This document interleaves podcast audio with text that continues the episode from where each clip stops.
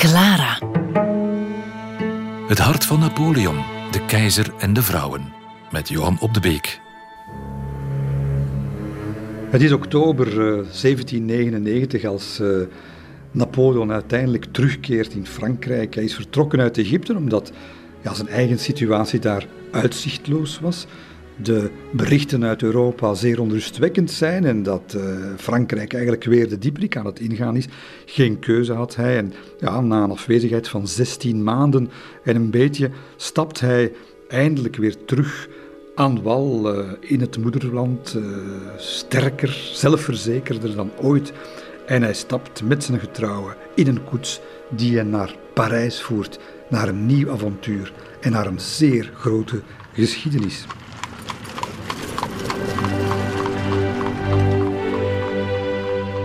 De toestand in het land is uh, dermate slecht dat uh, ja, je kunt het eigenlijk nog het best laten verwoorden door een van de, van de liberale juristen uit die tijd, uh, Benjamin Constant, die zegt als er tussen nu en twee maanden niet iemand opdaagt die de republiek weer op de poten krijgt, dan is het afgelopen.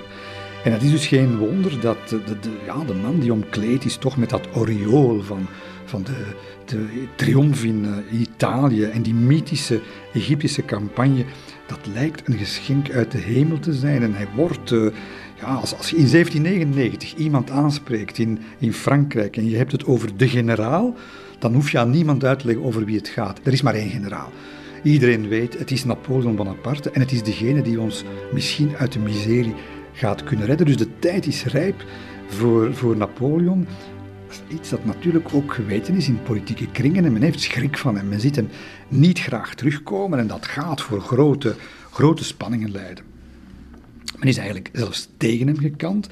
Dus wanneer dat bericht in oktober 1799 Parijs bereikt, dan slaat dat in als een bom natuurlijk bij iedereen, bij de bevolking, bij de politici en niet in het minst bij zijn eigen vrouw. En dat gebeurt weer in die typische, ja, in dat, de, typische omstandigheden die, die, ik, die ik in mijn boek Het Hart van Napoleon tracht weer te geven. Die Josephine, die zich weer van geen kwaad bewust is en die ondanks al die waarschuwingen, ondanks de brief van haar eigen zoon uit Egypte van mama, let toch op en zo verder. Nee, die, ja, ze vindt dat ze gewoon rustig moet doorgaan met dat gescharrel met die, met die jonge luitenant. En ze zitten eten. Ze zitten eten bij het zoveelste leuke dineetje bij Goyer, de, de voorzitter van het directoire. Als daar plotseling het nieuws binnenduikelt. Hè. Uh, Napoleon is terug in Frankrijk en we weten dat van, van Goyer, die dat later zal beschrijven. Ze, ze, ze, slaat, ze krijgt alle kleuren van de regenboog. Geen hap krijgt ze meer door haar keel. Ze springt op met de tranen in de ogen. Het zijn geen tranen van blijdschap. Hè. Het, zijn, ja, het, zijn, het, het zijn tranen van angst. Want ja, het is alsof die vrouw nu pas beseft van ik heb een man. En als je een man hebt, ja, die bedriegt je niet. En die weet dat dat... En die komt nu terug. Paniek. Grote paniek. Want wat is haar situatie? Als Napoleon haar verstoot, dan zijn de problemen voor Josephine niet te overzien. Ze heeft een paar kunstwerken en wat antiek, maar al de rest, de, enorme uitgaven die ze gedaan heeft in dat huis in, uh, in, uh, in Parijs, die zijn allemaal ofwel betaald door Bonaparte, ofwel schulden die Bonaparte nog moet betalen. Dus ook haar fysieke schoonheid is ze, die taille van haar is nog altijd prachtig. Ze heeft nog een, een soepel lichaam, maar dat, ja, dat speciale gelaat begint toch al wat trekjes te vertonen die passen bij de vrouw van de middelbare leeftijd. En ze weet dat ze op haar ex-minnaars gaat ze niet, gaat ze niet moeten rekenen. Dus dat, dat huwelijk met Bonaparte, ja, dat, mag niet, dat mag niet kantelen. En dus in, in complete paniek neemt ze een, een, een, eigenlijk een verstandige beslissing. Ze besluit onmiddellijk met haar dochter Hortense uh, Bonaparte tegemoet te rijden. Nu, in die tijd is dat natuurlijk niet zoals nu met de auto, uit de straten op en zo verder. Dat zijn serieuze ritten. En er zijn in die tijd twee, uh, twee wegen om naar het zuiden of van het zuiden naar Parijs te komen. En dat is de oostelijke route, de Route de Bourgogne, die gaat dus over Auxerre en Mâcon, of de westelijke Route du Bourbonnais. En die gaat over Moulins en Nevers. En zij gaat kiezen voor de oostelijke route. En dat is de verkeerde route. Want Napoleon die gaat zich naar Parijs ondertussen spoeden langs de route du Bourbonnais. Dus die twee kruisen elkaar. Josephine naar het zuiden, Napoleon naar Parijs. En er gebeurt net het, het, omgekeerde van wat zij in gedachten heeft. Zij hoopt om, om hem onderweg tegen te komen en elkaar in de armen te vallen en zo verder. Toch prachtig dat ik je kon ontmoeten onderweg. Dat gebeurt niet, want Napoleon die gaat op 16 oktober, komt thuis in de Rue de la Victoire, de vroegere Rue de, Rue de om 6 uur s ochtends, stapt daar binnen in een leeg huis. Geen Josephine, geen warm welkom. Hij die al helemaal bezeten is van het idee van, van mijn vrouw heeft mij laten stikken. Ja, de dienstbodes die proberen nog wat uitleg te geven, die zich tegemoet komen rijden enzovoort. Maar nee, hij, hij, hij is een, een, kruidvat waar het, het lontje nu nog, nog een halve centimeter lang is of dat ontploft daar. En het zal ook ontploffen natuurlijk. Ze zien hem letterlijk het schuim van de bek vegen, zo woest is hij. En dat wordt natuurlijk er niet beter op als zijn familie aankomt. De Bonapartes die al van in het begin die Josephine de la Vieille noemen en haar eigenlijk haten, uh, ja, bij de hand als ze zijn, en die Bonapartes, gaan het er nog eens goed in wrijven. Hè. Gaan nog eens goed uh, hem laten voelen wat een, een onnozelaard jij is geweest om zich zo te laten ringeloren. Tussen haakjes, zijn, uh, zijn moeder, de, de strenge, almachtige Letitia, uh, zonder dat hij het mag horen, weliswaar, maar die noemt Josephine al jaren, al sinds jaren dag, la putana. De hoer, kunt het al horen zeggen, met zo'n Corsicaans gemeen tongvalletje. En ja, in zo'n omstandigheden kun je al denken hoe ze die, hoe ze die, die ze zijn die Napoleon, die, die, die, al, die al een paar keer geëxplodeerd is, maar ze laten dan nog eens een paar keer ontploffen. En Maga, die ondertussen ook al in dat, in dat huis is aangekomen, die, die ziet het gebeuren. Die zegt, als roofvogels cirkelden ze boven haar. Ze wachten gewoon op haar karkas. Bonaparte, die idee afwezigheid van, van, van zijn vrouw, dat interpreteert hij natuurlijk als het zoveelste teken van verraad eigenlijk. Hè. Uh, ook een bekentenis in feite dat, dat, dat ze hem niet waard is. En Gelukkig zijn er een paar in zijn omgeving die nog het, het, hoofd koel houden. Goyer bijvoorbeeld, die, die zegt hem, die probeert hem te sussen. Allee, probeert het wat filosofisch op te nemen. Hij zegt, uh, ik ga me niet bezighouden met, met Josephine's gedrag moreel te gaan veroordelen of beoordelen, maar denk toch eens aan de politieke gevolgen van een scheiding waar hij nu echt over bezig is. Want dat, gaat, dat, dat is het enige wat gaat, wat gaat tellen, zegt Goyer. Ja, maar het duurt 48 uur nog voor Josephine gaat komen. En dus dat brein van Napoleon gaat helemaal over het kookpunt. Het is uiteindelijk misschien, ja, bij nader inzien, denk ik, achteraf gezien, dat het, het, is, het is misschien de meest nuchtere van al zijn vrienden. En geen toeval, het is een bankier. Collot, sluwe zakenman, had onder meer ook de bevoorrading van het Armée de, l'Italie gedaan. En die zegt, die Collot, die zegt... Uh, uh, kijk, zegt hij, uh, mon ami, je moet daar alles vergeven. Pardon, zegt uh, Napoleon, vergeven. En hij bekijkt Collot alsof hij een paard hoort spreken, nietwaar? En die Collot, die houdt toch wel even aan en die, die plant daar toch wel een zaadje in, in het hoofd van Bonaparte als hij zegt... Het kan me niet schelen, zegt hij, of ze het verdient... Maar op dit moment zijn er toch wel andere zaken en veel serieuzere zaken aan de hand in, uh, in ons land. U moet nu denken aan Frankrijk. Hè. Iedereen, iedereen is nu met u bezig. Iedereen kijkt naar u. En het land verwacht dat jij u gaat bekommeren om, uh, om het lot van de natie. En als de mensen in de gaten gaan krijgen dat, dat je je eigenlijk uh, bezighoudt met van die onnozele huiselijke twisten ja, dan zal uw grandeur, zegt Collot, nog veel sneller verdwijnen dan ze is gekomen. En u zult, u zult dan niet meer zijn dan een bedrogen echtgenoot uit een blijspel van Molière. Of hij zegt Collot, leg die knoeiboer van uw huwelijk toch aan de kant en begin nu eens met de staat terug overeind te helpen. En we gaan niet zeggen dat, dat Bonaparte onmiddellijk overstag gaat, maar we gaan zien dat wat Collot hem zegt, dat het uiteindelijk toch wel in dat gekrenkte, diep vernederde hart van Napoleon, dat dat toch eigenlijk de bovenhand krijgt en dat we vanaf dat moment ook kunnen zeggen dat het hart van Napoleon, zoals bij elke staatsman, in zijn hoofd zit.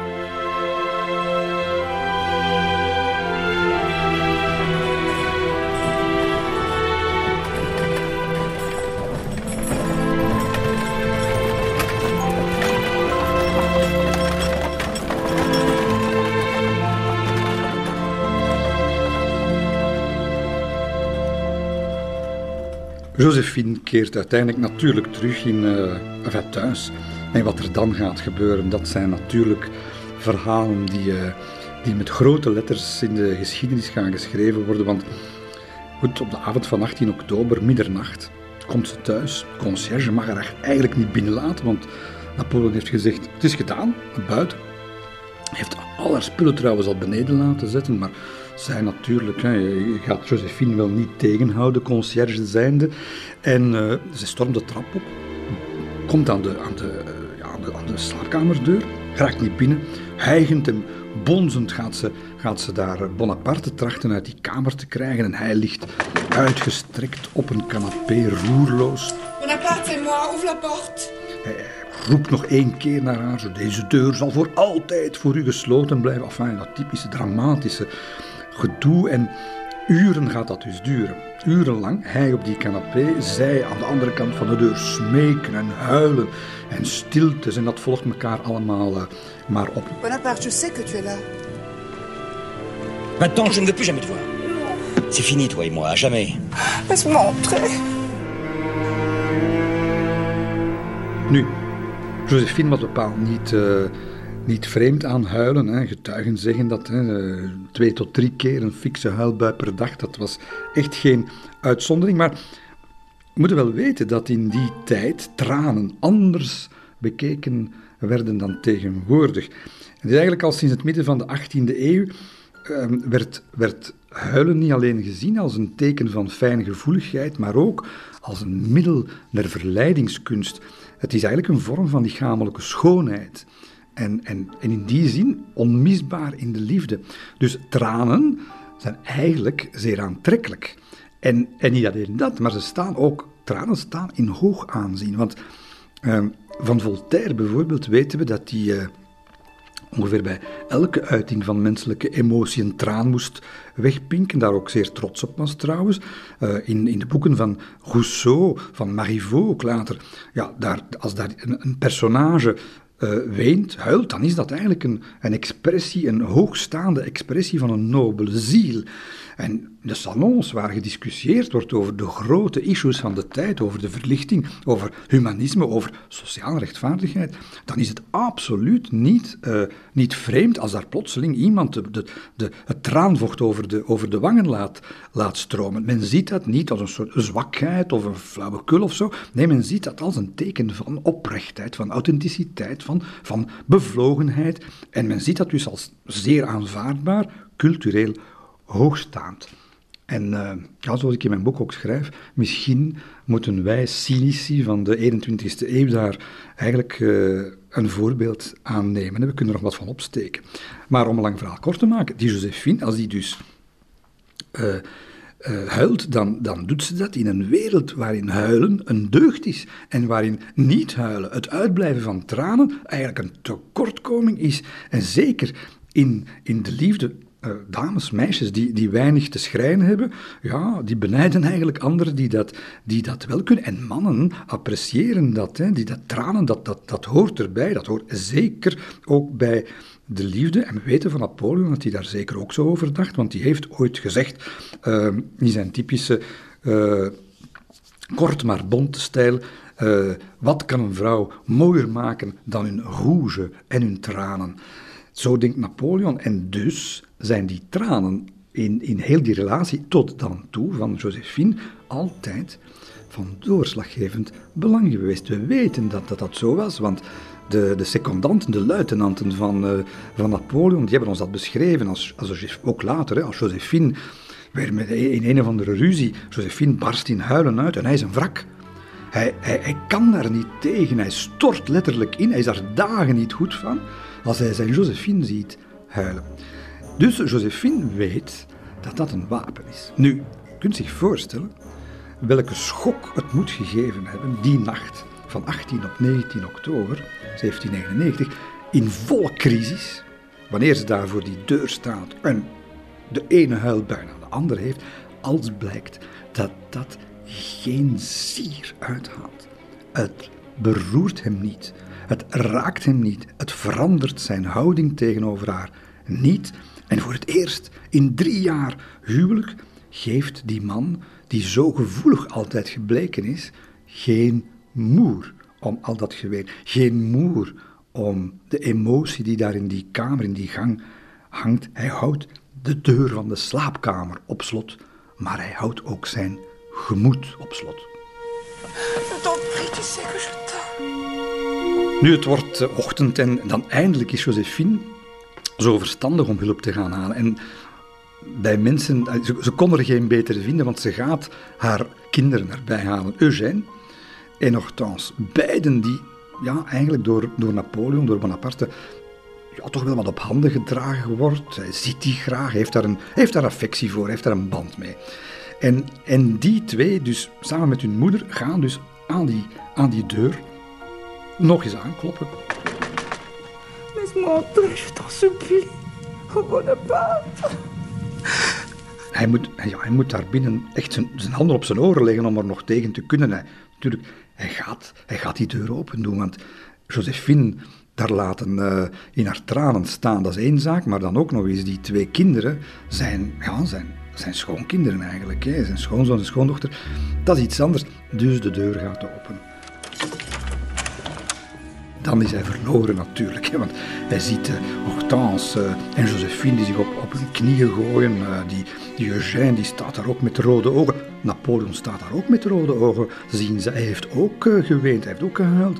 En, en hij gaat door de knieën. Hè. Hij, de, weerstand, de weerstand breekt en, en een oogwenk later pakt hij Josephine bij haar arm en hij trekt haar de slaapkamer binnen. En, en, en zij is waar ze, waar ze moest zijn. En dan komt de scène, de slotscène van heel die, van heel die crisis van, dat, van, dat, van die nacht. Dat is eigenlijk s'morgens. De, de, de Lucien Bonaparte, zijn, zijn broer, dus bij die Bonaparte-klan hoort u al gejuicht hebben. Eindelijk is het gedaan met die stomme Josephine. Die moet hem iets komen melden, hè. politiek, politiek. En die stapt die slaapkamer binnen en die, die, die staat vereist te kijken als hij daar in dat bed, in het glunderende gezicht kijkt van zijn broer Napoleon, in wiens arm de gehate Josephine ligt te slapen. Lucien Bonaparte denkt, het is toch niet waar. Ja, het is waar, ze zijn terug bij elkaar. Maar het is, het, het is ook wel een beetje, het is ook wel een beetje schijn, want er is die nacht iets fundamenteels veranderd in die, in die relatie tussen die twee mensen. Um, ze, heeft, ze heeft plat op de grond gelegen, ze heeft gesnikt, gekermd, een hele nacht gehuild. En, en dat, dat had allemaal niks, niks uitgehaald. Ze heeft dus op de rand van het ravijn gestaan en ze beseft op dat moment, dringt het eindelijk. Maar al het gescharrel en het gedoe en het, en het dringt eindelijk tot haar door. Ja, ze moet conclusies trekken. Ze, ze, ze, beseft vooral dat, dat Bonaparte sinds Egypte een andere man is geworden.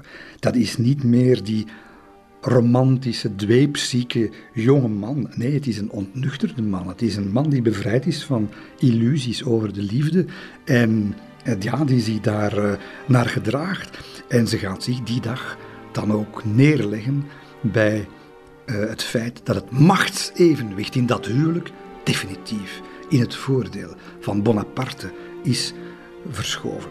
En ze gaat nog een besluit treffen, want uh, vanaf dan is het definitief ook gedaan met het gescharrel. Vanaf dan zal ze haar tegenstanders, die ze natuurlijk uh, talrijk heeft, ze zal ze geen schijn van kans meer bieden om, uh, ja, om nog maar een begin van, van twijfel te laten ontstaan over haar loyaliteit. En, en ze gaat dus nooit nog een, uh, een minnaar nemen. En zo eindigt eigenlijk het grote liefdesdrama van het echtpaar Bonaparte en het zal een ander huwelijk worden. Een huwelijk worden waarin de ratio het meer gaat, gaat opnemen, waarin de vriendschap, de, de, de passie en de erotiek gaat vervangen en waarin Josephine bovendien ook nog meer en meer een politieke rol gaat beginnen spelen.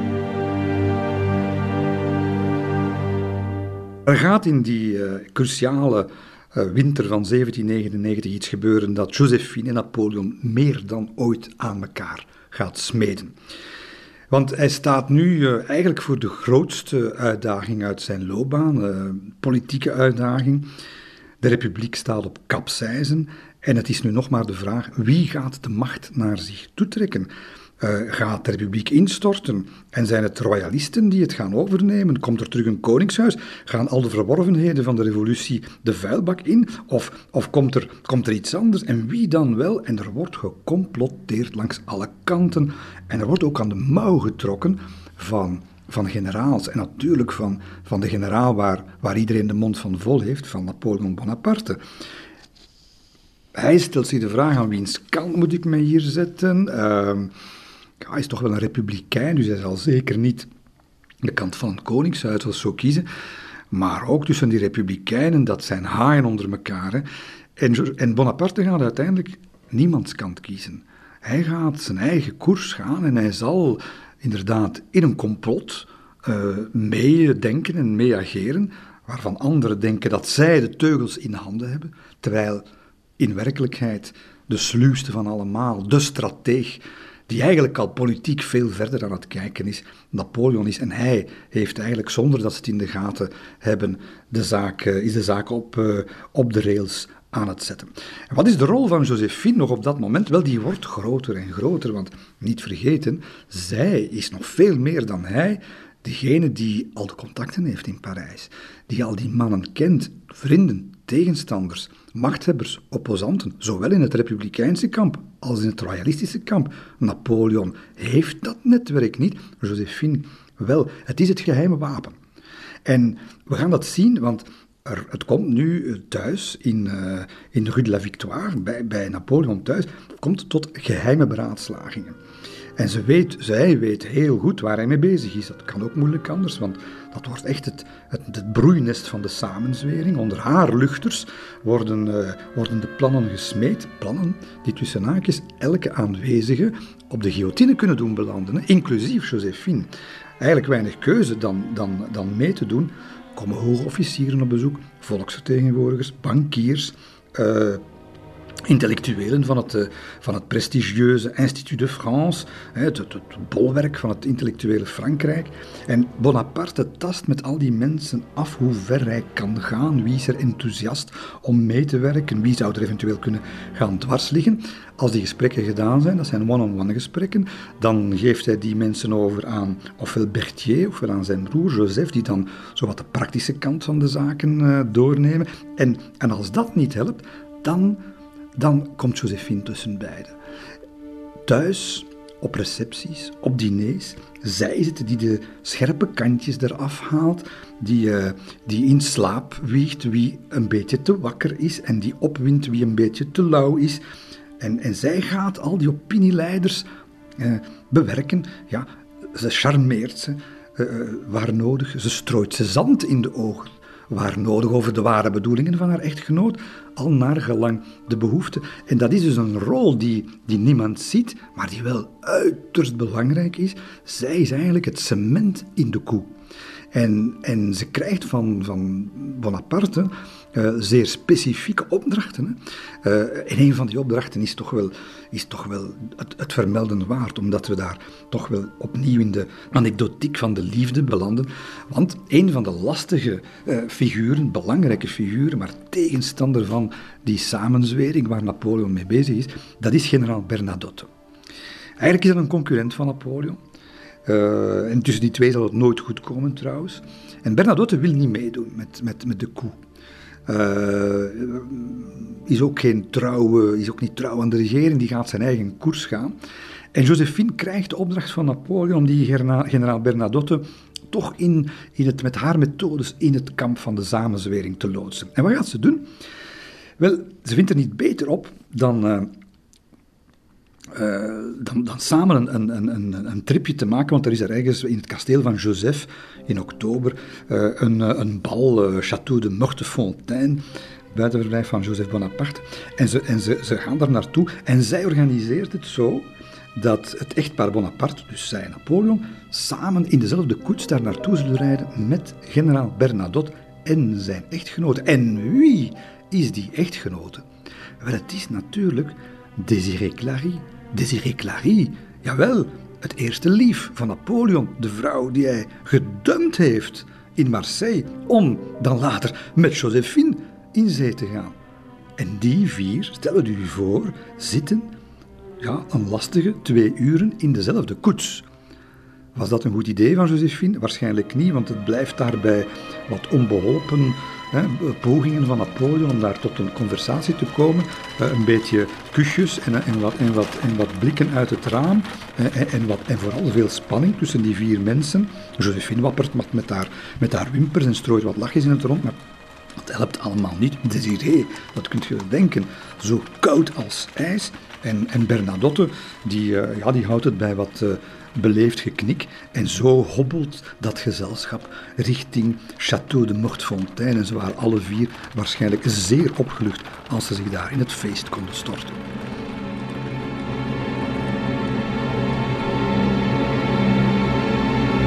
Het grote moment gaat aanbreken. We zijn 10 november 1799. Uh, ijskoud is het in Parijs. Dat ontwaakt onder een, uh, een grijze hemel. In de kamers van de, van de Rue de la Victoire slagen de nauwelijks in om de, om de, de koude, de vocht uh, uit het huis te verdrijven. En uh, het is het moment. Nu gaat Napoleon met, met zijn soldaten naar de volksvertegenwoordiging. Hij gaat daar trachten die mensen te overreden om, ja, om de wet te veranderen en naar een ander regime te gaan. Maar dat is helemaal niet zeker dat dat lukt. En dat staat eigenlijk ook gelijk aan hoogverraad en aan de doodstraf. En dus, ja, vroeg in de ochtend gaan Napoleon en Josephine afscheid van elkaar nemen. En ze beseffen alle twee zeer goed op dat moment dat het misschien een afscheid voorgoed zou kunnen zijn. En ja, we kunnen niet anders zeggen, in die afgelopen weken heeft Napoleon zeer goed gezien wat zijn echtgenote op het politieke vlak waard is. Zeer onderschat wat ze daar gedaan heeft door de geschiedenis. Haar loyaliteit staat nu ook bovendien boven elke verdenking. Dat netwerk van haar heeft zijn waarde bewezen. Haar talenten zijn het die de bruggen hebben gelegd tussen haar man en een aantal twijfelaars, een aantal mensen die nog over de brug moesten getrokken worden. En hij is dus eigenlijk zeer blij. Hè. Nu eindelijk is hij eindelijk verheugd dat hij een maand geleden, toen hij terugkeerde uit Egypte en zijn vrouw nog ging buitenschoppen, dat hij dat gelukkig niet gedaan heeft. Uh, maar nu is het moment van de waarheid aangebroken. Nu is er geen plaats natuurlijk meer voor Josephine, want het gaat uh, er spannen. Deze dag is er geen voor vrouwen, zegt hij haar. En terwijl uh, in Saint-Cloud, waar de volksvertegenwoordiging bijeen is en, uh, en uh, ja, het grote ruzie zal worden, het zeer spannend zal worden tussen Bonaparte en, en het parlement, zit natuurlijk die Josephine daar thuis angstig te wachten. Hè? Want kun je dat voorstellen? Dat is daar ja, uren vandaan. In de eerste uren komen er dan nog berichten dat, er, uh, dat de koe is mislukt, dat uh, Bonaparte is gearresteerd. Men zegt zelfs, hij is omgekomen. Blijkt allemaal vals alarm te zijn. En 24 uur later blijkt dat het directoire is opgedoekt. Uh, in een staatsgreep waarin geen druppel bloed is gevloeid. En in de vroege uurtjes komt Bonaparte terug thuis, valt in de armen van zijn vrouw. En een dag later wordt het consulaat uitgeroepen. Het leven in Frankrijk gaat veranderen. Er gaat een gouden tijd aanbreken. Er zal wetgeving uitgeroepen worden, uitgevonden worden, die uh, ons leven tot op van vandaag gaat bepalen. Er gaan moderniseringen plaatsvinden. De verlichting gaat nu eindelijk uh, ja, in wetten en in reglementen en in gebruiken verankerd worden. Maar wat ook gaat veranderen, is het leven van Napoleon en Josephine. Zij beiden zijn nu niet langer burgers van de Republiek, maar het staatshoofd en zijn vrouw van de Republiek.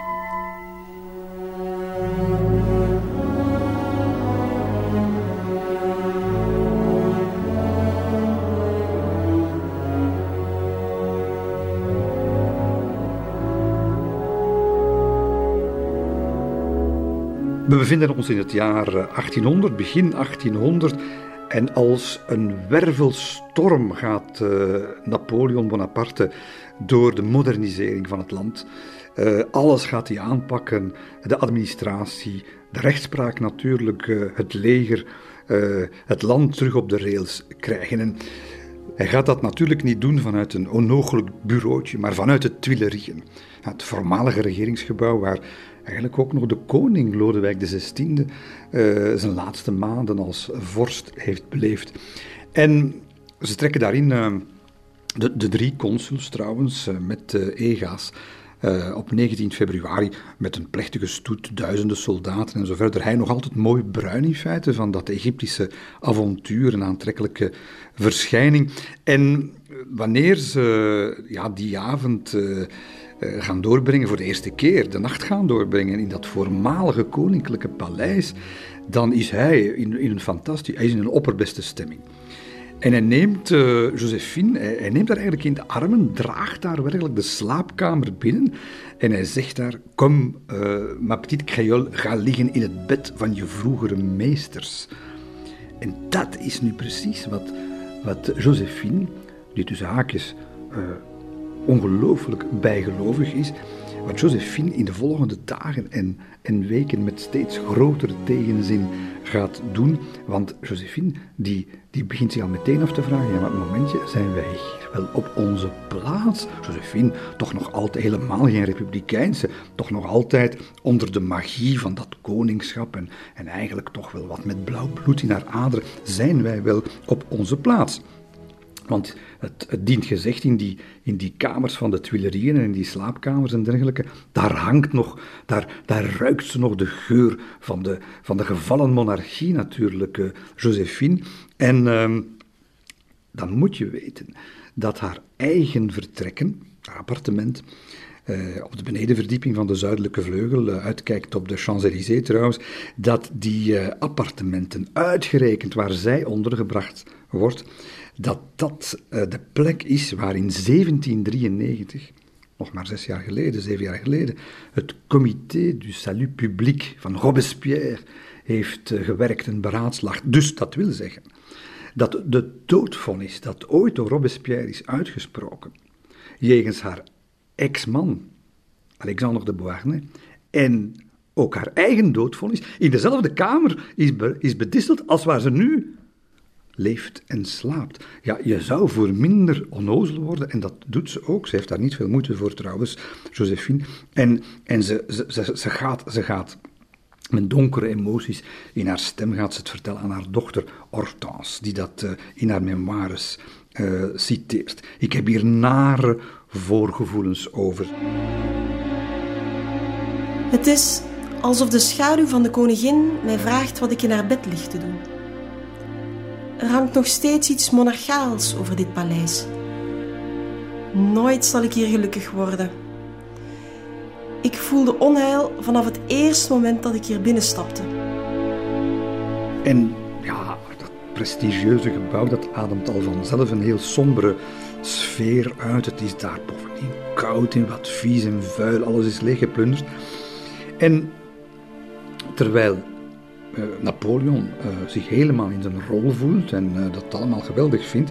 Hij voelt, zich, ja, hij voelt zich een vis in het water, maar Josephine die voelt zich een vis op het droge. Ze, ze, is daar niet graag. En bovendien, ja, men is, men is zich zeer goed bewust van het feit dat Napoleon nu staatshoofd is. Hij is eerste consul. Zij is dus de vrouw van het staat. En dat brengt allerlei verplichtingen mee. En, en mensen moeten zien. En, en etentjes en recepties en dergelijke meer. Met andere woorden, haar heel vrije levensstijl die ze altijd gehad heeft, die wordt serieus ingeknot.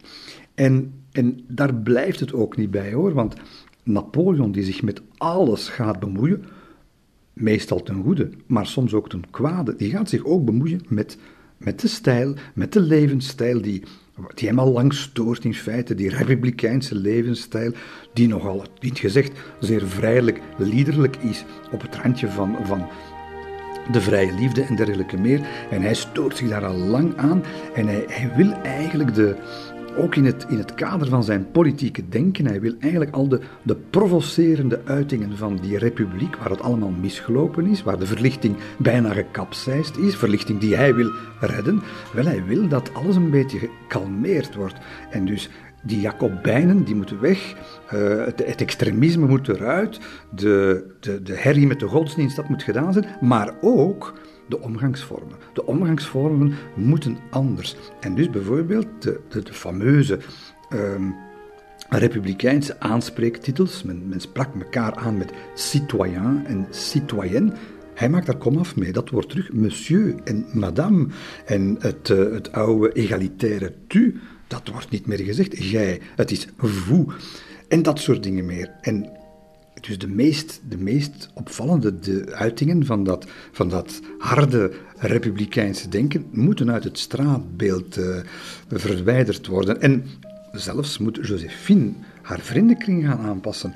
Want uh, die, die merveilleuses waar zij vroeger deel van uitmaakte, die, die provocerende jonge dames met de doorzichtige kledij, die vrouwelijke vrijheid en, en seksualiteit uitstraalden, Josephine, gelieve daar, kom af mee te maken, zegt uh, Napoleon. En hij gaat dat doen op, een, op, op zijn typische wijze. Op een winteravond, daar ergens in 1800, is er een receptie in de Tuilerieën. En uh, ja, veel, uh, veel schoon volk natuurlijk. En op een bepaald moment krijgt hij dus zo'n groepje merveilleuses in het vizier. En hij begint, daarnaar, hij begint die, die aan te staren en, en hij stapt naar het haardvuur, gooit daar verwoed een paar houtblokken op en, en hij roept dan door de zaal naar Josephine.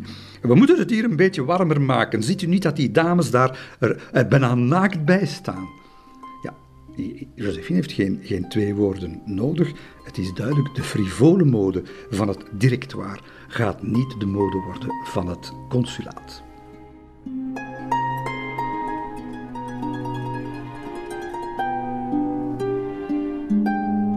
Napoleon maakt dus eigenlijk een einde aan al die wufte zinnenprikkeling. Hij wil terug naar fatsoen, terug naar het corset in zekere zin. En het, het, het beeld van de vrouw verandert. En we, we, moeten dat natuurlijk zien in de context van die tijd. Het is nu eenmaal zo dat in de hardste, de wildste, de meest gewelddadige jaren van de revolutie hebben vrouwen, zullen we maar zeggen van een beetje lage komaf, zich nogal nadrukkelijk getoond. En niet van de beste kant. En die, uh, die losbandigheid, dat is een beetje aan de vrouw blijven plakken. Het gaat niet alleen om, om, om seksuele losbandigheid, het gaat ook om politieke losbandigheid. En Napoleon, nogmaals, die wil alles een beetje gelijk schakelen, kalmeren, de harde kantjes eraf veilen. En dat betekent dat het vrouwbeeld uh, van, de ideale vrouw, dat dat verandert. Hè. Dat... Uh, dat moet niet meer een wilde, roepende, uh, op straat manifesterende vrouw zijn. Nee, dat moet, uh, dat moet een vrouw zijn die een dienstbare vrouw is, die zich weet te beheersen, die zich toelegt op, uh, op huis en haard. En laat het nu zo zijn dat het eigenlijk een rol is die Josephine bijzonder goed afgaat. Josephine is iemand die ja, die voortdurend het goede probeert te doen, die zich vooral niet met politiek wil bezighouden, hoewel haar man dat soms wel vraagt, maar dan is het om haar charmes te gebruiken. Enfin, ze, ze, ze, past, ze past daar eigenlijk ook wel in en zij is dus eigenlijk... En hij mag, zich, uh, hij mag zich echt gelukkig prijzen. Zij is eigenlijk de perfecte first lady. Hè? Uh, Josephine, uh, die erotiserende kledingstijl, die laat, ze, die laat ze achterwege. Maar Josephine blijft wel Josephine. Dat is een prachtige vrouw. Die straalt met een jutezak aan, zou ze nog altijd stralen. En, en ja, je kunt toch niet zeggen dat de mode van het consulaat, dat is niet lelijk. Hè? Dat heeft toch wel een zekere verfijning. En Josephine, ja, die, komt, die komt eigenlijk met uh, alles weg. Ze maakt komaf met, uh, met die uh, oude levensstijl, maar een, een hebbelijkheid waar ze helemaal niet komaf mee maakt, dat zal haar de rest van haar leven achtervolgen, is natuurlijk dat ze het geld sneller uitgeeft dan dat het binnenkomt. En het komt nogal serieus binnen, want onze vriend Napoleon, eh, eerste consul, dat is geen armzalige wedde natuurlijk, die die heeft, maar blijkt dan dat hij nog ruimschoots onvoldoende is om de schuldenberg die ze gemaakt heeft, om die, uh, om die klein te krijgen.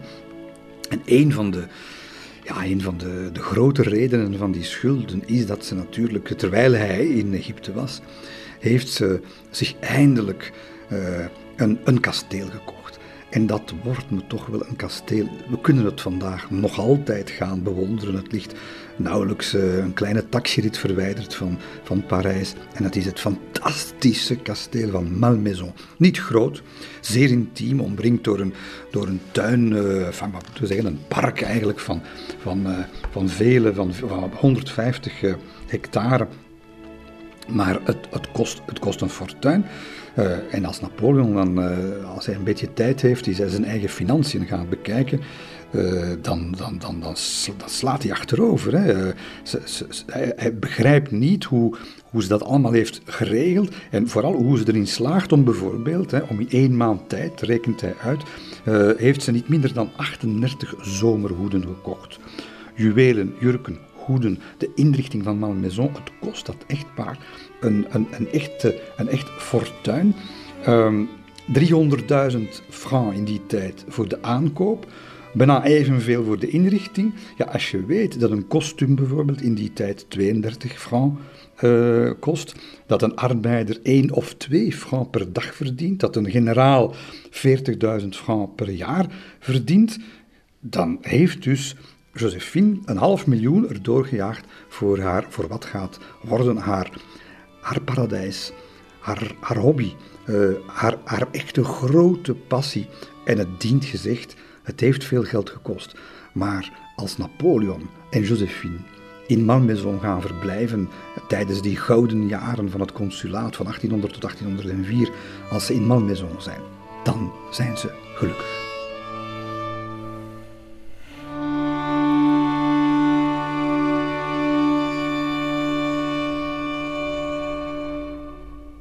Het is uh, Napoleons persoonlijke knecht, de, de legendarische Constant, uh, in zijn memoires, die, die beschrijft ja, dat, dat dat eigenlijk toch wel een stukje paradijs was daar. Malmaison, Napoleon was daar blij ontspannen, speelde, werden toneelstukken opgevoerd en ze lachten zich te pleuris. Maar het, het belet niet dat er, dat er natuurlijk wel iets gebroken ook is, laten we dat niet vergeten, door, door het feit dat uh, Josephine hem toch wel serieus bedrogen heeft, dat hij die relatie heeft gehad in, Egypte. En Josephine voelt zich in, het huwelijk um, niet de mindere, maar alleszins de zwakkere partij. En ze begint zich ja, jaloers te tonen, ze begint zich te ergeren aan het, ja, de toch grote vrouwelijke belangstelling die er is voor haar man die op dat moment zich nog lijkt te gedragen, maar zij, zij nog voor hij eigenlijk één stap verkeerd zet, en hij zal er vele verkeerd zetten, nog daarvoor begint ze eigenlijk al tekenen van overdreven jaloezie te vertonen. En hij, hij ergert zich daaraan en hij zegt... Creools als ze was, kon ze met onwaarneembare tred tot aan de deur sluipen, waar ze zich niet geneerde om te komen luisteren. Onder het voorwendsel dat ze wilde weten waar ik was en met wie. Maar eigenlijk had ze neus voor die dingen, want ze kon altijd raden voor wie ik gevoelens koesterde. Ze vond dan steeds het middel om over die persoon een conversatie met me aan te knopen en die vrouw belachelijk te maken of kwaad van haar te spreken. Ja, dus Josephine denkt te pas en te onpas dat hij vreemd gaat. En dat, dat gaat soms op een potsierlijke manier mis. Er is op een bepaald moment zit een Talleyrand, minister van Buitenlandse Zaken, en Napoleon tot vier uur s'nachts te werken uh, aan uh, grootse plannen, zoals altijd. En, Napoleon vertelt daarover, mijn gedachten waren, waren helemaal bij dat gesprek. Uh, als ik mij met de kaars in de hand uh, s'nachts naar mijn slaapkamer begeef, staat daar plotseling Josephine voor mij met een, met een totaal verwilderde blik. En ze, ze vroeg mij dan, ik hoop dat ze tenminste mooi was. Ja, ik begrijp er niks van, zegt Napoleon. Die, die, eh, die laat zich weer op sleeptouw nemen door haar, door haar jaloezie. En ik heb haar gezegd, mevrouw, madame, je hoort het hem zo zeggen, hè, uh, madame, uh, ga, maar, ga dan maar gauw in uw eigen slaapkamer slapen en ik in de mijne. En zegt hij, ik ben gaan slapen en vanaf dat moment sliep ik niet meer regelmatig met Josephine. En is dat het moment geweest dat het allemaal begonnen is? het elders slapen, de maîtresses en verder. Het zou kunnen maar ook zonder, laten we eerlijk zijn, zonder de jaloezie van eh, de jaloersheid van, van Josephine, zou Napoleon meer dan één scheve schaats gereden hebben.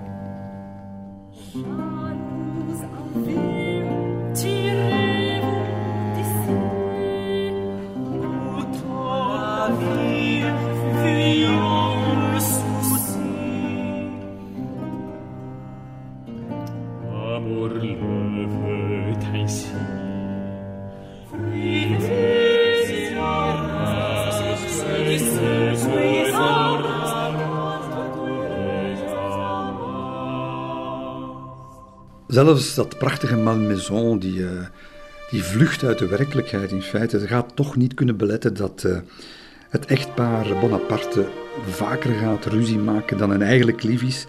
En dat lost hij dan allemaal wel op op typisch Napoleon wijze, schrijft uh, in zijn memoires zijn lijfwachter Roustam. Hij zegt, maar in, in, in ging Napoleon dan koppig naar een van haar mooie tuinen en brak daar een paar kostbare bloemen af. Erger is natuurlijk dat hij met zijn karabijn op paar mooie zwanen op de vijvers gaat schieten. Was allemaal niet erg, zegt Roustam. Het was een grap, het was gewoon om Josephine een beetje te jennen. Hij weet dat ook zelf, uh, Napoleon, want hij zal daarover zeggen: Ja, ik ben zo. Ik ben groot in grote dingen maar ik ben klein in kleine dingen. En toch, en toch, er schuilt achter al dat gekibbel en gedoe een, een, fundamenteel, een fundament, een groot probleem. En dat gaat ontdekt worden op zekere dag door uh, een van de intimi, de vrouw van Andoche Junot, Laure Junot. En dat komt omdat uh, Napoleon is een man van de buiten, die wil, die wil paardrijden, met de koets wegrijden, weer, weer een wind, geen probleem. En hij neemt dan Josephine mee, die dan tot haar afgrijzen in de hobbelende koets moet gaan zitten en zo verder. En uh, ze komen op een bepaald moment, uh, Josephine met migraine tussen haakjes, Junot is daarbij en Napoleon. Ze komen daar ergens uh, in een, in een, al schokkend aan een beek met steile bermen. En hij wil gewoon dat die koets daardoor dendert. En Josephine in alle staat, stop, en nee, ik wil niet. En hij weer boos dat zij in zijn ogen flauw is. En, um, en Junot zegt, ja, maar ik, ik, ik wil er toch voor, voor waarschuwen. Ik, ik, ik ben zwanger. Hè. Dat, dat weten ze, ze is, al, ze is al ver zwanger. En dat begrijpt hij. Dat, uh, ja, onmiddellijk uh, Laure Junot heeft die koets uh, gehaald, biedt haar zijn hand aan, stapt uit en zo verder. En dan zegt Laure iets waarvan ze onmiddellijk beseft, verdorie, dat had ik niet mogen zeggen natuurlijk. Ze zegt... Bonaparte zegt ze, stel nu eens dat mevrouw Bonaparte zich in dezelfde staat zou bevinden als ik, dus zwanger, zou het dan ook niet beter zijn voor haar om uit te stappen? Dit is natuurlijk een naïeve poging om die beangstigde Josephine uit de koets te krijgen, maar het, het, ze, trapt daar natuurlijk recht in de modderpoel, recht op het, het grote probleem van dat koppel. En dat is dat Josephine maar absoluut niet zwanger raakt. En ze ziet het aan zijn gezicht. Uh, hij, hij, verstart, wordt bleek. Ze slagen er dan beide in om, om dat al lachend en met een kwinkslag een beetje ja, onder de mat te vegen. Maar, maar hij ja, boomt dan heel boos door die beek en geeft het bevel aan die, uh, aan die koetsier om meteen door die beek te rijden met Josephine. Al botsend waarschijnlijk in die, uh, in die koets. En dan hoort, ja, enkele ogenblikken daarna hoort, uh, hoort Junot, na dat incident aan die beek, hoort ze een conversatie die ze eigenlijk niet moest horen, ergens achter, uh, achter een paar bomen. Uh, hij die, uh, zijn ruzie maken. Hè. Hij zegt, stop toch met dat, met dat gedoe en stop toch met dat, met dat jaloers zijn. je gebruikt toch je, gezond verstand. Enfin, je, je voelt dat het, het hij kan, Normaal kon hij dat soort dingen, dat, dat was meteen vergeten. Maar het ging weer ergens over. Het ging weer over die, die zwangerschap. En daar heb je ze dus, hè. Josephine, jaloers en achterdochtig. Bonaparte, ongelukkig omdat hij nog altijd geen kind heeft. Ja, er is in dit huwelijk slecht weer op komst.